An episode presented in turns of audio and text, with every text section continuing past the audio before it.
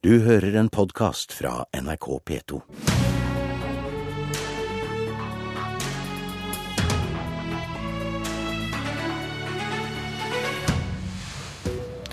Sjelden kost fra en politiker. Sitat Noen ganger må man innrømme at man kanskje ikke har riktig politikk. Høyre møter Høyre om pappaperm. Så skal vi diskutere bosetting av flyktninger.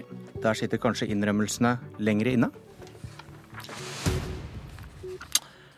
Høyre har vedtatt å fjerne hele fedrekvoten. Foreldre skal selv få velge hvem som skal være hjemme med barnet. Men Tina Bru, stortingsrepresentant og leder i Høyres likestillingsutvalg. Hvorfor går du mot ditt eget program nå? Det er jo ikke bare jeg som gjør det, det er jo hele Høyre sitt eh, likestillingsutvalg. Men det er jo viktig å si at dette er jo, et, en, eh, dette er jo programarbeid. Dette er jo innspill til Høyres nye programprosess eh, frem mot neste stortingsvalg. Og så er det jo ikke sånn kjemperevolusjonerende i den forstand at dette er jo regjeringens politikk. Altså Det utvalget har kommet frem til, er jo det regjeringen har som ordningen i dag. Så derfor er det ikke sånn kjempenytt, egentlig. Men det er jo noe annet enn det som Høyre gikk til valg på forrige gang. Begrunn det. Nei, altså det er jo Nå sier vi jo veldig klart at vi ønsker å beholde en viss pappakvote. Og så har vi bestemt oss for at vi mener at den ordningen som, som er regjeringens politikk i dag, med ti uker til far, er riktig. Og det er to hovedgrunner til at vi har falt ned på det. Og det ene er at nå har utvalget jobbet i et år. Vi har snakket med utrolig mange forskjellige mennesker og organisasjoner, og alle er veldig tydelige på at kvoten har at det er et behov for kvote, så vi har lyttet til det. Eh, og så mener vi samtidig at nå er det på tide å komme videre i debatten. Altså denne, eh, Dette forslaget med å beholde pappakvoten er en liten del av hele forslaget vårt på foreldrepermisjonen. fordi nå må vi begynne å diskutere noe mer enn det. fordi at den debatten handler altfor mye om én eller to uker mer eller mindre til far. Og det mener vi er et sidespor. Nå må vi videre. Da skal jeg synde litt mot det, fordi hvis du går med på prinsippet hvorfor vil du beholde ti ukers pappaperm? Hvorfor går du ikke inn for 14 uker, som var, var kvota før din regjering tok i det? Det er fordi at eh, Samtidig som alle sier at eh, pappakvoten er viktig, så sier også familiene at de er veldig opptatt av å bevare friheten i ordningen. Og det er en stor grad av frihet i den ordningen som ligger i dag. Familiene ønsker i veldig stor grad selv å bestemme hvordan de skal fordele permisjonen seg imellom. Og også i dag med ordningen så er det jo mulig å dele 50-50 om man vil, eh, så frem til at da mor har opparbeidet seg rettigheter. Så jeg mener at det, sånn den er i dag, er fint. Vi må se hvordan den ordningen nå fungerer i praksis, hvordan det utvikler seg. Eh, og så er det ikke sånn at diskusjonen alltid vil ligge i bero, men for Høyre så er det også viktig å bevare valgfriheten til familiene. og Derfor vil vi ikke gå inn for en ytterligere utvidelse av eh, kvoten. Leder i Unge Høyre, Christian Tonning Riise. Er det god høyrepolitikk du hører Tina Bru forsvare her når det gjelder fedrekvoten, eller har hun gitt venstresiden rett? Nei, Tina er nok fortsatt innenfor god høyrepolitikk, men jeg må jo si at jeg syns at den eh, formuleringen som står i vårt eh, program i dag, er veldig, er veldig god. Så Min råd er jo ofte å utfordre den politikken som står i programmet, men akkurat her så mener jeg at eh, forrige landsmøte vedtok eh, klok politikk. Og da var det jo nettopp Høyres kvinneforum som kjempet gjennom den endringen som vi gjorde da med at vi ønsket at alle ukene skal være til fri fordeling. Og det handlet jo nettopp om familienes valgfrihet. Ja, hvor er det, vi... hvor er det Bru trår feil i sin argumentasjon her?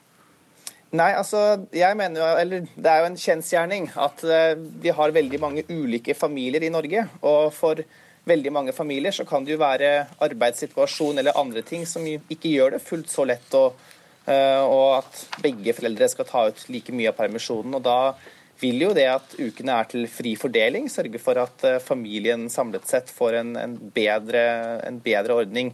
Men hvis man ønsker mer likestilling i ordningen, så vil jeg si at et langt viktigere grep er å gi far helt selvstendig opptjeningsrett, uavhengig av eh, mors aktivitet. For der er det jo fortsatt uh, veldig mange uh, krav til, at, uh, til, mors aktivitet dersom far skal bruke av fellesperioden. det vet jeg at Likestillingsutvalget også har, sett på, og det mener jeg vil være langt viktigere for, for likestilling enn fedrekvoten. Bru? Ja, Det har han jo helt rett i, og det er nettopp det som har vært eh, fokuset vårt. Altså Istedenfor å fortsette diskusjonen om lengden på, pappakvoten, så ønsker vi på en måte å heve blikket og nå heller foreslå en styrking av individets rettigheter tilknyttet det å få barn, for det er skjevfordelt i dag. Altså Det er klar diskriminering av far i forbindelse med permisjon.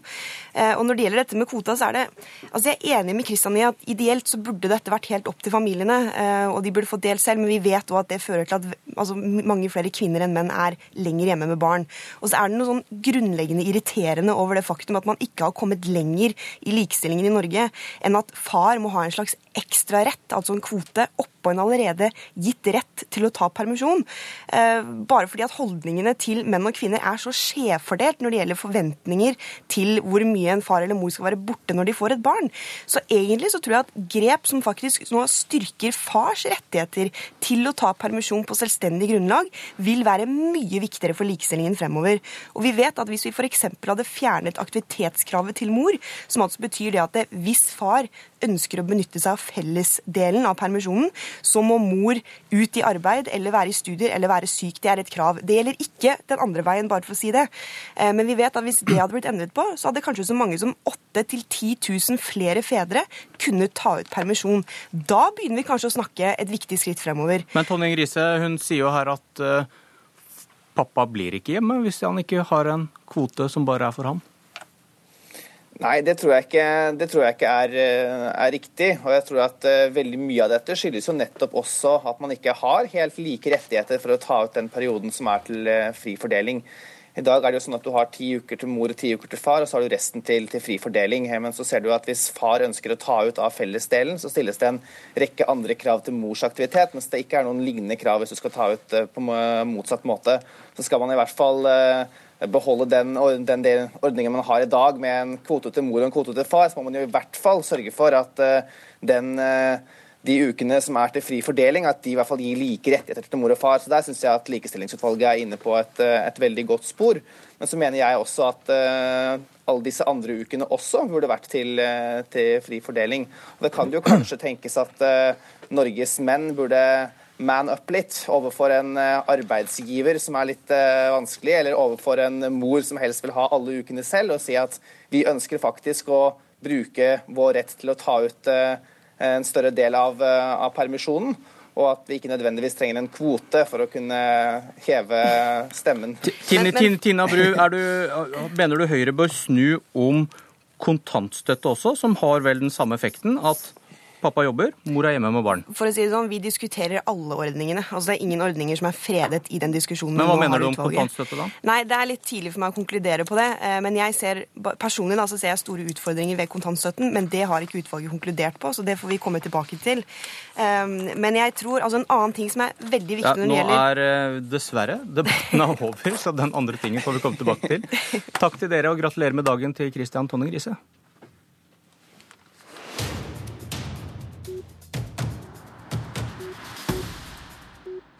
For han har bursdag. Han rakk ikke å sa, si takk før han la på. Eh, Høyre dominerer Politisk kvarter i dag. Velkommen inn, Mudassar Kapur, stortingsrepresentant fra Høyre. Takk for det. Er du villig til å innrømme feil i forsøk på å bosette flyktninger i norske kommuner? Jeg innrømmer feil uh, stadig vekk når jeg har gjort dem, men uh, her tror jeg vi skal snakke om hvordan vi skal finne gode løsninger på et område hvor vi allerede leverer godt. Regjeringen har satt i gang bosettingsarbeidet. Kommunene har nå sagt ja til å ta imot 11 000 i år. Men jeg mener at eh, vi står foran en av de største innenrikspolitiske debattene i nyere tid. Den handler om hvordan vi skal få til en god integrering for mange av de som kommer til Norge. Og Derfor har jeg skrevet en kronikk i VG i dag hvor jeg tar opp denne debatten. Jeg vil ha en debatt i Høyre, og jeg vil gi innspill til regjeringen. En av de tingene som jeg snakker om der, som vi skal snakke om i dag, det er bosetting. Vi har nå en situasjon hvor selv om vi gjør det bra, så trenger vi å tenke nytt. I dag er det sånn at kommunene år etter år uh, må gjøre en avtale med staten for å avlaste de uh, som sagt, hvert eneste år. Jeg syns at vi må se på nye modeller. Blant annet foreslår jeg å se på en langsiktig plan, hvor man går inn i en avtale med kommunene for å se på bosetting over lengre tid enn et år av gangen. Men fremdeles skal det være frivillig? Kommunene skal ha veto? Kommunene må få lov til å være med på dette på en frivillig måte, men det er en lang vei å gå fra dagens situasjon og rett over til tvang. Mellom der ligger det veldig mange gode løsninger. Men Hvordan skal dette gjøre det lettere å få flere til å si ja? Jo, det skal jeg fortelle deg. I dag er det sånn at i stedet, altså det vi foreslår, er at vi kan se på langsiktighet isteden. Det gjør at kommunene kan planlegge, kommunene kan da planlegge hvordan de skal planlegge bosetting, skoletilbud, barnevern, helsetjenester over tid. Vi kan da komme med insentivløsninger som er korrigert i henhold til det. I dag så blir det for ofte en debatt i kommunene om å avlaste staten fra år til år, og dermed så havner du inn i et spill hvert eneste år som blir en forhandling, i stedet for å se på hva som er det viktigste her, og det er å få bosatt og integrert tidlig. Og så må jeg få lov til å legge til en ting. Altfor ofte så handler, handler bosettingsdebatten bare om å finne et sted å bo. Men for hver bosettingstillatelse du gir, så må du også finne barnehageplasser, skoleplasser og en god helsetjeneste. Derav langsiktighet. Karin Andersen fra SV. Eh, du nikket litt og Ja, jeg syns det er bra nå at eh, flere ser at den modellen vi har ikke fungerer. Den er dyr. Og den er dårlig. Den er dyr fordi folk sitter på mottak, og vi betaler dyre dommer for det i årevis. Og det å sitte på mottak lenge, eh, og nå blir det lengre og lengre, er eh, Altså, folk blir syke av det. Og de blir jo ikke integrert av det. Så det å liksom komme i gang Det ene er å få ned behandlingstida nå på søknader, sånn at man får òg avgjort de som skal få bli. Og det er jo mange av de som kommer nå at det blir fort. Og så må man bli bosatt så raskt som mulig, slik at man kan komme i gang med integreringa. Og da er det jo noen steg her som tas. Men, men allikevel er det, er det nok ikke nok. For dette er jo en vanlig oppgave som kommunene må gjøre hele tida eh, framover. Det er ikke noe utsikt til at det ikke skal komme flyktninger. Så da tror jeg at vi heller kunne laga en sånn ordning som de har i Danmark, der kommunene må ta sin rimelige andel av dette, og at staten betaler hele regninga. Og så kommer vi i gang med integreringa mye raskere. Det tror jeg vi er veldig enige om nå, eh, alle. Det er bare hvordan vi skal gjøre det. Det var et sentralt poeng her du kanskje ikke er så enig i? Ja, altså, sentrale poenget til Karin Andersen, hvis du tar bort uh, det som hun snakker rundt tematikken her, så er det fortsatt tvang. Nei, og det betyr Nei. følgende. Jo, Karin Andersen. Nei, altså Det er tvang Mitt for folk at... å bli sittende på et mottak. Og nå betaler vi veldig mye for en ordning som varer i mange flere år enn det det trenger. Sånn at jeg er ute etter også at vi skal spare penger her, fordi det å sitte på mottak er dyrt. Og disse folka skal jo bosettes. De har jo lovlig opphold. Og da er, jo, da er det jo ille at vi har ordninger som bremser det. Så, og du sier jo sjøl at du tror ikke at disse debattene i kommunestyret fører noe særlig godt med seg. Og det tror ikke jeg heller. Det blir ikke noe bedre debatter eller noe mer integrering i kommunen av at du tvinger kommunen til å integrere. Vi ser nå at den dialogen vi har hatt med kommunene, gir mer bosetting. Og så kan vi se på andre løsninger for å få til bedre bosetting. Vi kan få Fylkesmannen mer på banen. Vi kan bygge flere sosiale boliger sammen med private utbyggere. Vi kan starte integreringen tidligere i mottakene, som gjør at de som bor der, er mer attraktive for kommunen å ta imot. Men det er slik at det blir ikke bedre integrering i Norge av å drive med tvang. Og jeg tror det er en fullstendig avsporing av debatten, fordi debatten går fra okay, men, men, vent litt, vent litt. Hvis vi tar ditt sentrale poeng om langsiktighet, da er det ikke et argument mot det at det vi har sett i høst med en plutselig endring av asyltilstrømningen, at en femårsplan kanskje blir veldig fort utdatert, at et år-til-år-planlegging eh, er det eneste fornuftige? Fordi man ikke har noe forutsigbarhet? Vi har jo en år-til-år-plan nå, men forutsigbar altså Det vi mener med langsiktighet, er jo selvfølgelig at hvis kommunene år til år med å planlegge økonomien sin og gå i forhandlinger med staten på hvordan de skal løse sine integreringsutfordringer, så blir også hele integreringspolitikken i kommunen preget av det.